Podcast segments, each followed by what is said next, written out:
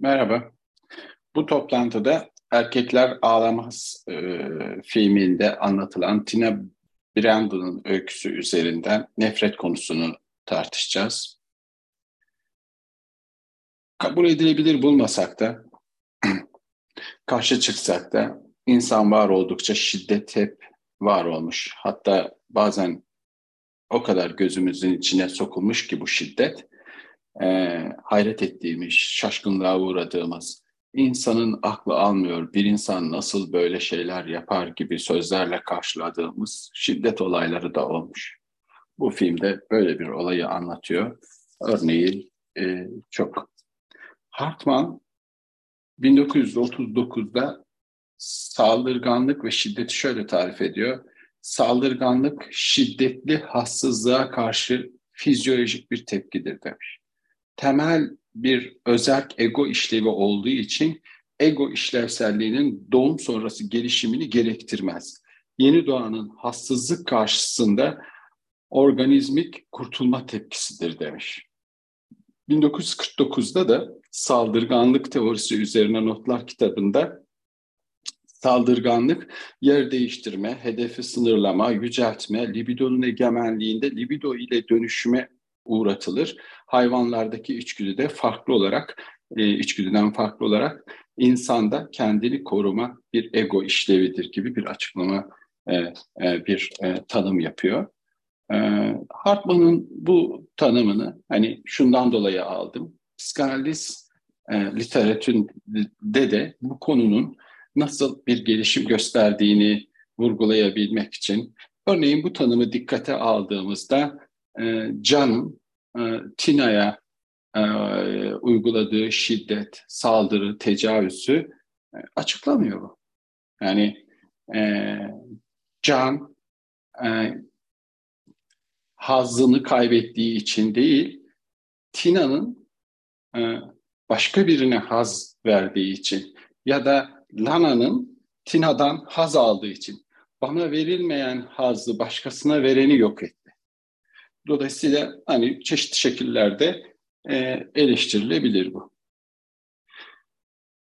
Bir başka e, psikanalist Klein sanıyorum bu konuyu daha kolay anlayabileceğimiz açıklamalar e, ve, ve e, yorumlar getirmiştir.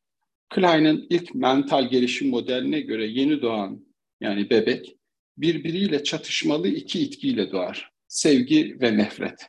Daha sonra ki e, formülasyonlarında da sevgiyi yaşam dürtüsüyle, e, nefreti de yıkıcılık ve haset olarak ölüm dürtüsüyle e, ilişkilendirmiştir. Ve buradan da bir bakıma Freud'a e, selam çakmıştır diyebiliriz. Bu konuya yaklaşımının Freud'dan farkı ise yaşam ve ölüm dürtülerini o kadar biyolojik ele almıştır ki Klein de bu iki kavrama Freud'da dürtü derken e, burada sanki içgüdü demek daha doğru olabilir. Freud'dan bir diğer farkı ise insan ruhsallığını daha anlaşılır kılan savunma mekanizmalarını tanımlamasıdır. Hatta bu daha sonraki pek çok Kur'ancıya da e, ilham kaynağı olmuştur. Bugünkü klinik pratiğimizde de çok önemli açılımlar olduğunu söyleyebiliriz. Freud'da bastırma bilinç dışının e, yapılanmasında e, e, e, en önemli savunma mekanizmasıdır. Bilinç dışının e, yapılandıran özgün savunma mekanizmasıdır. Freud'da bastırma duygu ile ilişkilidir ve kastrasyonla yeniden şekillenen rahatsız edici temsil ve imgelerin bilinç dışına sürülmesini sağlayan savunmadır. Ama Klein e, bastırmadan önce olduğunu varsaydığı savunma mekanizmalarından söz eder. Tehdit edilen infantil egonun kendisini korumak için yapabileceği pek çok şey olduğunu söyler. Ve orada e, bastırmadan önce bölme, inkar, yansıtma ve yansıtmalı özdeşim e, gibi savunma mekanizmalarını tarif eder. Nefreti, şiddeti anlamamız için de çok e, önemli bir açılım sağlar bu. Ben de bugün bunlardan bahsedeceğim. Bebeğin kendi yıkıcı hisleri bir endişe, anksiyöz bir hal almasına neden olur. Kendini koruma çabasındaki ego kendisini ve nesneyi iyi ve kötü diye iki parçaya böler. Tüm kötülükleri dış dünyaya yansıtır. Böylece meme, iyi meme ve nefret edilen meme olarak ikiye bölünür. Kabaca böyle tarif edersek e, bir de e, Melanie Klein'de e, Melanie Klein'de pozisyonlar vardır. Gelişim aşamalarını iki şekil, iki pozisyonla tarif eder. Paranoid, şizoid pozisyon, depresif pozisyon. Az önce bölmeyle şekillenen bu pozisyona bebeğin belki de ilk üç aylık yaşamında paranoid şizoid pozisyonlar. Neden önemli bu kısmı? Biraz bunu açalım. Bir sonraki gelişim aşamasını da depresif pozisyon der. İçindeki iyi ile özdeşimi e, daha sağlam olduğundan bu durum özgüvenin artmasına ve kötü olanla diğer bir deyişle e, kötülük yapacaklarla, perseküter nesnelerle daha kolay ilişki kurar. Yani depresif pozisyon iyi ile kötünün birbirine bulaşmaya başladığı aşamadır. Burada filmi hatırlayın, hatırlayalım. Ee, Lana'nın annesi e, Tina'nın e, Lana ile arkadaşlığını anlayınca ve onun cinsiyeti, e, cinselliği, cinsel yönelimiyle ilgili kuşkulara kapıldığında kızıma bunu bulaştıramazsın der. Onun kafasındaki kötüyle bulaşmasına e, tahammül edemez. E, tahammül edemediği için de onu yok etmek, onu kızından uzaklaştırmakta bir beis görmez.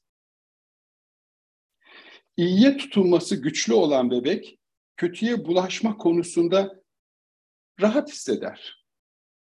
Bunu filmde kim, hangi karakter üzerinden görüyoruz diye düşünülürse e, bana öyle geliyor ki Candice bunun iyi bir örneğidir.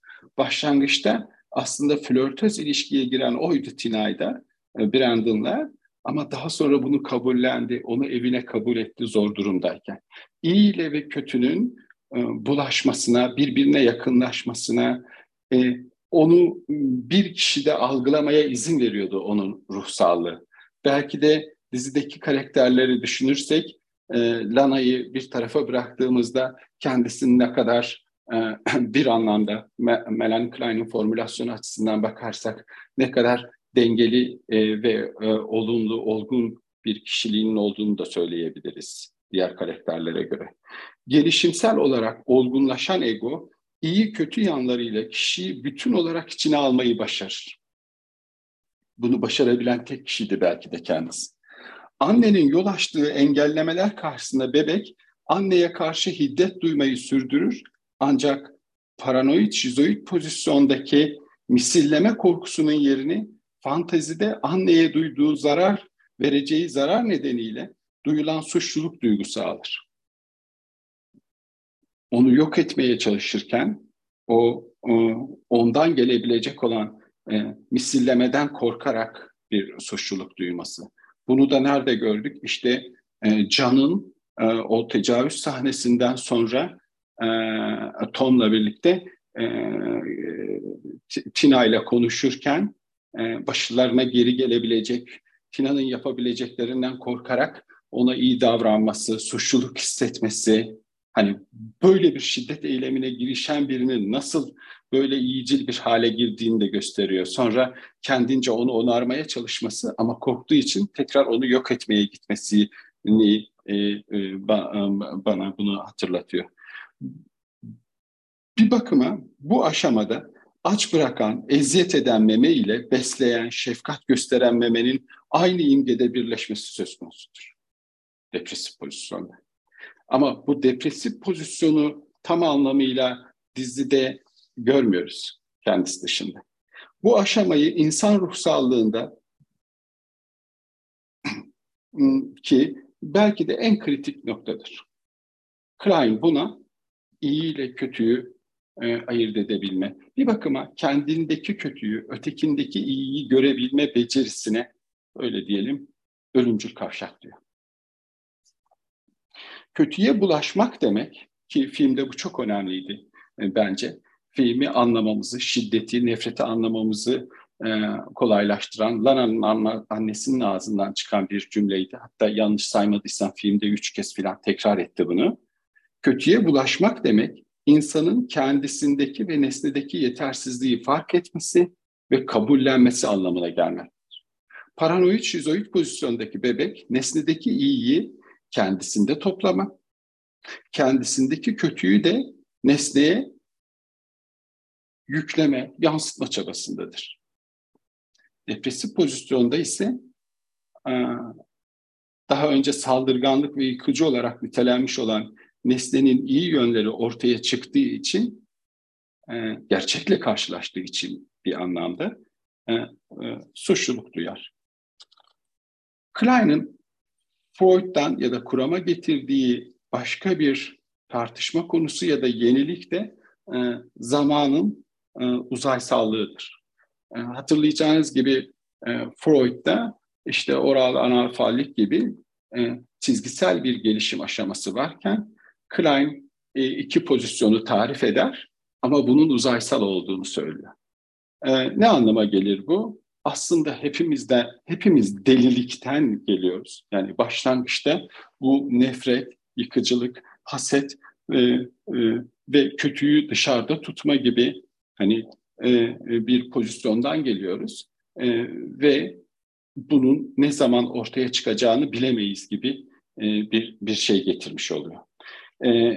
filmde de zaten bunu görüyoruz. Başlangıçta çok iyicil, olumlu arkadaşlıkların olduğu, dostlukların olduğu bir şey varken birdenbire artık deliliğin sınırına giden bir e, e, candan bahsediyoruz. Klein e, Anneyi hep meme üzerinden tanımlar. Bebeğin de e, anne ile ilişkisini bunun üstünden e, bir şekilde ifade eder. Bebek annenin içindeki bütün ilgiyi almak için memeye saldırır. İşte hasetin kökeni tam da budur. Hasetin e, kökeninin buradaki e, aslında bir bakıma annenin iyiyi iyinin vereceği hazzı kendisine saklamasıyla ilgili bir fanteziden bahseder. Buna dayalı olarak da ona saldırır, onu yok etmeye çalışır, ısırır vesaire.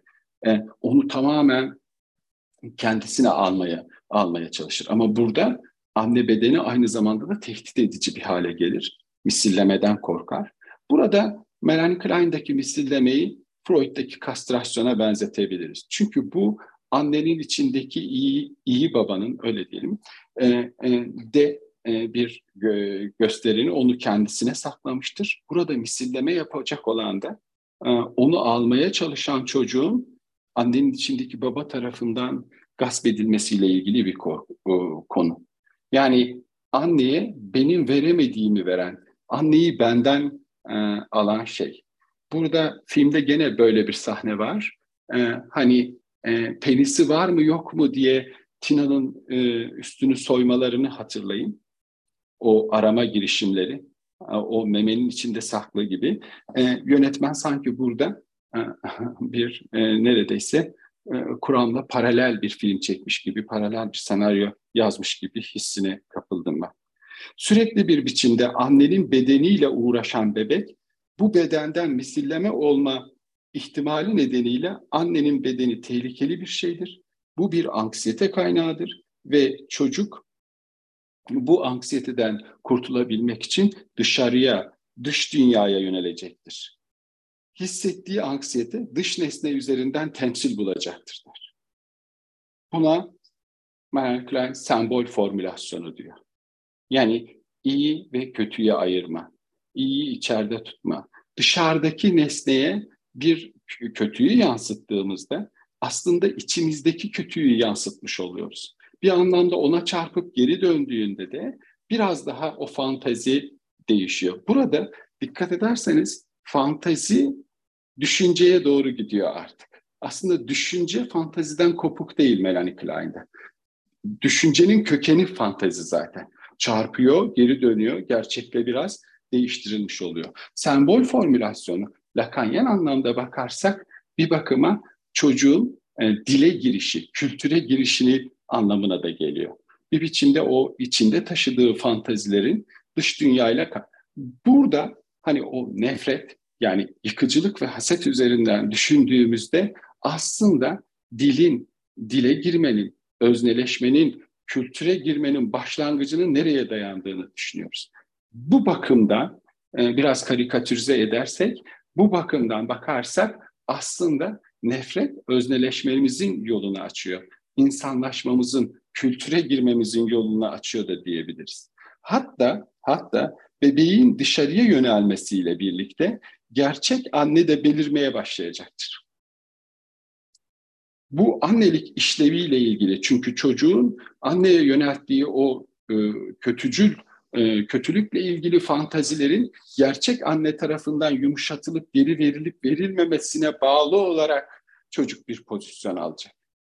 Yani bir bakıma ya da e, bu e, da gerçek babanın tutumları da e, ona atfedilen iyi ve kötünün dengelenmesiyle ilgili bir şeye yol açacağı için cinsiyetlenme de e, bu bakımdan e, aslında o da buraya dayanmış oluyor. E, yani e, işte onu dengeleyecek bir gerçek baba olmadığında bir erkek çocuğunun babayla özdeşleşmesi ya da e, bir kız çocuğunun annenin içinden çıkabilmesi, dışarıya yönel, yönelebilmesi e, bir erkeğe ya da bir, kendini bırakılması, bırakması pek mümkün olmayacaktır. O zaman nefret bunun da kökeninde var. Ego bu içe alma ve dışa yansıtma üzerinden şekillenir. Dışarıdan içe alınan nesnelerin tümü de egonun bir parçası haline gelmez. Asimile edilenler egonun bir parçası haline gelir. Bir de iç nesneler vardır. Bu da diğer kuramcılardaki iç nesneler hiçbir zaman içe dahil edilmez. Aslında süperego tarifine uyuyor diyebiliriz. Hani dışarıdan bir şey, dış ses, bakan göz e, bir bakıma. Hep dışarıda kalmıştır, dışarıdan bakmıştır ya da seslenmiştir. Yargılayan bir ses. Hani o suçluluğu da ça- çağıran. İşte Klein'e göre kişilik yapısı büyük ölçüde egonun kendisi ve içerdiği nesnelerle kalıcı fantazilerine bağlıdır. O zaman kişiliğin e, göbeğini oluşturan hani bu bölmeyi gerçekleştirmek çok önemli. Bölme ve işte başlangıçtaki o sevgi, nefret, iyi ve kötü e, her şeyin temelini oluşturuyor. Düşüncenin kökeni de fantazilerin dışarıda test edilmesine bağlıdır dedik ya. O zaman kişinin iyi kendiliği ne kadar yetersiz ise kendisini iyi hissetmek adına dışarıdaki iyiye tutunma ve bu nesneyi idealleştirmeye başvurması o kadar güçlü olacaktır. Burada bir de idealleştirme kavramı geldi. Aslında biraz gerçeğin çarpıtılması bu. Bebeğin e, e, kendisini, dünyayı e, e, kesin olarak sınırlarla bölerek iyi ve kötü şeklinde algılaması iyi nesnenin yerine oturması için bir ön koşul yani bu. Klein bölme işlemini sağlıklı bir ruhsal özne olma yolunda temel bir mekanizma olarak görmektedir.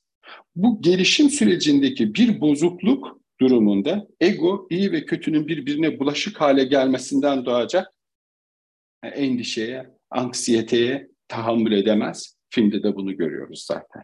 İyi ve kötünün bulaşmasına, birlikte algılanmasına karakterlerin zihni izin vermiyor. Dağılıyorlar orada. Yani idealize etmek iyi nesne ilişkilerinin öncülüdür. İdealizasyon e, ne işe yarar? İdealizasyon aşık olmak, güzelliği takdir etmek, sosyal ve politik idealler oluşturma gibi katı bir şekilde akılcı olmayan ama yaşamımıza zenginlik ve çeşit, çeşitlilik katan e, e, duygularımızdır ya da düşüncelerimizdir. Bu bağlamda idealizasyon ve yaşadığımız pek çok güzellik de o başlangıçtaki o, o bölmeye dayanıyor diyebiliriz. Bir şey daha ekleyebiliriz buraya. Empatinin kökeni olan yansıtmalı özdeşim de yansıtmadan farklıdır. Melanie Klein yansıtmalı özdeşimi de o bastırmadan önce tanımlamıştır. Hani o paranoid pozisyondaki e, bebek üzerinden tanımlamıştır. Empati kendisini ötekinin yerine koyarken aynı zamanda ötekinde farklı olduğunu bil farklı olduğunu da bilmesi halidir. Hani bir e, bir biçimde yansıtmadan bir farkı var. Yansıtmada kişi yansıtır ama yansıttığı kötülüğün kötülüğün kendisine ait olduğunu, kendisiyle ilişkili olduğunu fark etmez. Yansıtmalı özdeşinde ise yansıttığı şeyi, ötekine yansıttığı şeyin e, bir şekilde kendisiyle ilişkili olduğunu da hisseder. Bu bağlamda e, empatiyi şöyle tarif edebiliriz, empati duymayı. Karşısındakinin yerine kendini koymak, ben onun yerinde olsam demek değildir. O kişinin içinde bulunduğu durumla ilgili ne hissettiğini, motivasyonunun ne olduğunu ondan dinlemeye, duymaya, anlamaya çalışmaktır. Bu bakımdan e, başta saydığım savunma mekanizmalarının ve bunda nefretin rolünü de e, bir baş bir düzeyde konuşmuş olduk. Nefret e, ve sevgi, iyi ve kötüyü ayırmak, bölme, inkar, yansıtma ve yansıtmalı özdeşimin insanın insanlaşması, öznenin oluşumu, idealleri, aşk e, duyması, empati duyması, e, huzurlu hissetmesi, endişeli olması pek çok şeyi belirlediğini söyleyebiliriz. Persektör ve ideal nesneler iş dünyada bir araya gelip entegre olabiliyorsa kişinin e, kötüyü dışarıya atma ihtiyacı da azalacaktır. Yani iyi ile kötüyü, e, kendisindeki iyi ve kötüyü, ötekindeki iyi ve kötüyü e, entegre edebiliyorsa, e, bir bakıma aşırılığa kaçmıyorsa o zaman dışarıda da bir dış mihraklar, bir öcüler, e, hortlaklar aramayacaktır. Bu nedenle iyinin kötü ile entegrasyonu ve yansıtma mekanizmasının dışarıda e, ki e, etkisi de dışarıya yansıtmanın e, e, yansıtma ihtiyacının da etkisini azaltacaktır. İyi ve kötü insan yoktur bu bağlamda. Beraber bir şeyler içtiklerimiz ve diğerleri var. Neticede kimse sanıldığı kadar iyi, bilindiği kadar da kötü değil. Nefretin bu anlamda ve bölmenin ve diğer saydığım savunma mekanizmaları e, insana ne sağladığını gördük. İnsanın insanlaşmasını sağladı. E, bir bakıma nefretimizi e, tanımak e, ondan vazgeçmemizi de kolaylaştıracak. Bunu şöyle söyleyebiliriz belki de. Hani bir e, e, toprağa e, gübre atıyorsunuz. Gübre e, meyve çıkıyor oradan. Sonra meyvenin üstüne gübre bulaşmış mı diye e, yıkıyoruz. E, bunun olabilmesi için başlangıçta gübre olması gerekiyordu gibi de düşünebiliriz. Demokritos milattan önce 400 yılında şöyle diyor. Her şey yalnızca bizim için iyi ya da kötü, doğru ya da yanlıştır. Gerçekte ise atomlar ve boş uzay vardır. Nefretimizin bu boşlukta tutunacak iyi nesneler yaratabilecek kadar güçlü, gerçeğe direnmeyecek kadar güçsüz olması dileğiyle.